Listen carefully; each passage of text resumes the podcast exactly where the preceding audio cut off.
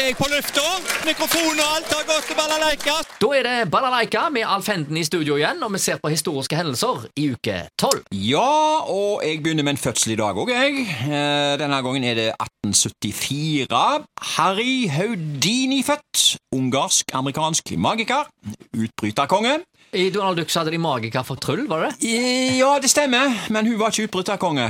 Nei. Nei, Jeg var bare på jakt etter lykketider og ingen til eh, skrue, hun. Å, ja, ok. Jeg sier var, hun er det jo ennå. Ja, nettopp, nettopp. Ja, ja, ja. Men han, eh, Harry Houdini eh, han kom seg ut av kasser, låst med kjetting, eh, og der satt eh, Houdini med håndjern på, men han kom seg ut.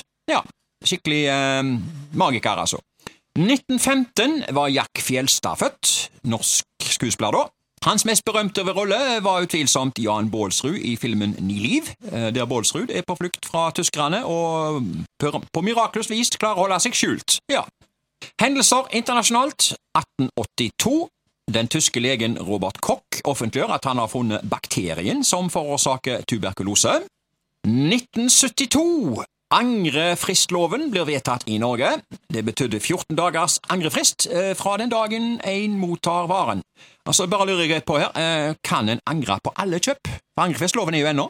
Ja, så, så lenge du leverer varen tilbake igjen i samme stand som når du fikk den, så tror jeg nok eh, det meste skal la seg gjøre. Men eh, det må du jo da sjekke i forhold til Ja. hvert enkelt kjøp, tror jeg, så for å være på den sikre sida. Men for å si det sånn, vi har ikke 14 dagers angrefrist på kjøp av for mange drinker i baren. Eh, nei, det skulle tatt seg ut. Du, jeg fikk eh, skallebank av eh, den eh, Ja. drinken, så jeg må Ja. få pengene tilbake.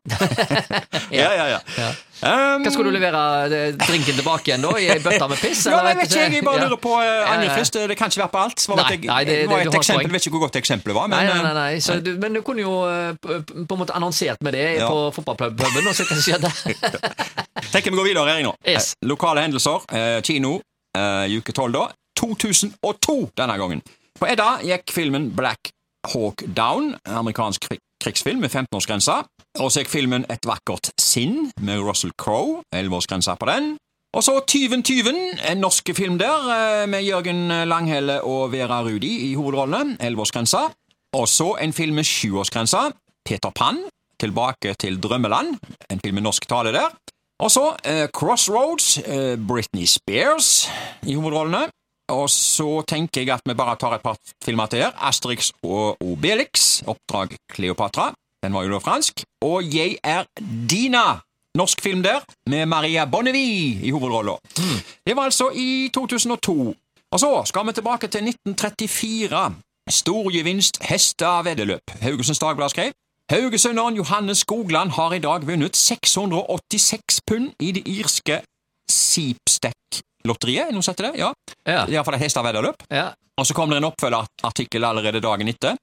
Det er sorger i hopetall når man ingen penger har, men gårsdagens lykkestjerne som dalte ned på typograf Johannes Skogland Haugesund, viser at det samme er tilfellet når man har, eller så godt som har, penger.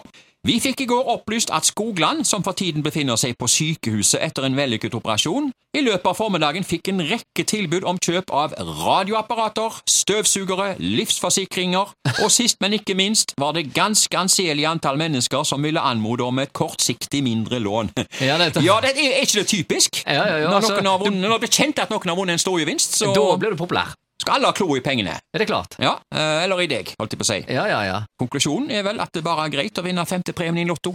Stilt og rolig. ja. Eller uh, holde snabla hvis du vinner sjøl. Ja. 1988.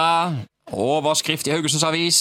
Etter studietur i England, EDB i skolen like naturlig som blyant. Jeg Ja, Ja. I Storbritannia er det like naturlig for elevene å bruke EDB som det er for norske å bruke blyant. Du gikk på EDB-kurs. Ja, jeg, jeg kommer tilbake til det. Skal bare lese videre her først. Ja. Denne erfaringen gjorde tolv rogalandslærere på et ukelangt studieopphold ved skolen i Derbyshire og Leicestershire i England. Moderne datateknologi har også gjort det mulig for sterkt funksjonshemmede elever å gjøre seg forstått.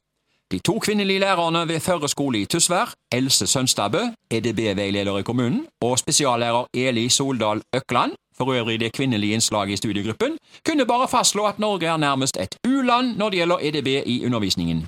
I Tysvær har vi begynt så smått når det gjelder tekstbehandling, og vi burde vel ha en mulighet til å gjøre EDB til et like naturlig arbeidsredskap i skolene her som i de britiske, sier Sønstabø. Og som du sa, jeg har hatt EDB jeg på skolen. Jeg Ja. hadde et fag som uh, het uh, Var på videre, Varafjell videregående skole da, og faget het kontorlære med EDB. Å, jeg ser det. Ja, ja, ja. Og her fikk stifta bekjentskap med hullkort. Ok. det Ja, ja, ja. Nok en uh... Men dere hadde vel tekstbehandling på sånne monokrome Ja, maskiner òg? Ja. Ja, ja, ja. Og så kunne du lagre på sånne 3,5 toms uh, disketter. Ja.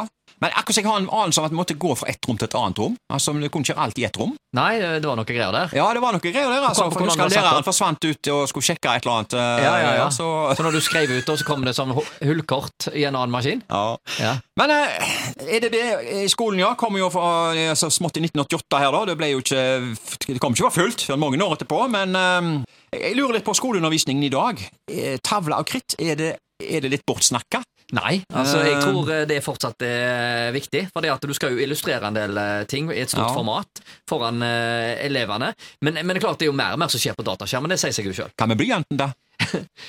Jo, nei, altså, Ja. ja, altså, jeg tror uh, du fortsatt bruker det uh, Altså, Jeg kan ikke se for meg noe annet. altså, Hvis at Nei. du sitter på en forelesning òg, altså, Uh, og kunne notere seg under altså, Det er bare sånn som jeg ville gjort det. Men det er klart, i dag så er det sikkert mange som sitter og knotter på en iPad eller et eller annet. Ja. Men det er veldig sjelden å se folk lenger med sånn blyant bak øra. Det husker jeg så meg, spesielt mannfolk hadde mye Før i tida? Ja, jeg husker jeg så en del av det. det eh, Ja, ja, ja. Eller i, i, altså, kulepenn i brystlomma. Eller kulepenn i brystlomma. Ja. Mm. Så, så det, var, det var mer vanlig uh, før. Men uh, da er det egentlig bare én ting å spørre om. Ja. EDB-maskiner! Ja. Hot or not? ja, det er hot spesielt de aller, aller, aller største. Spesielt i 1988.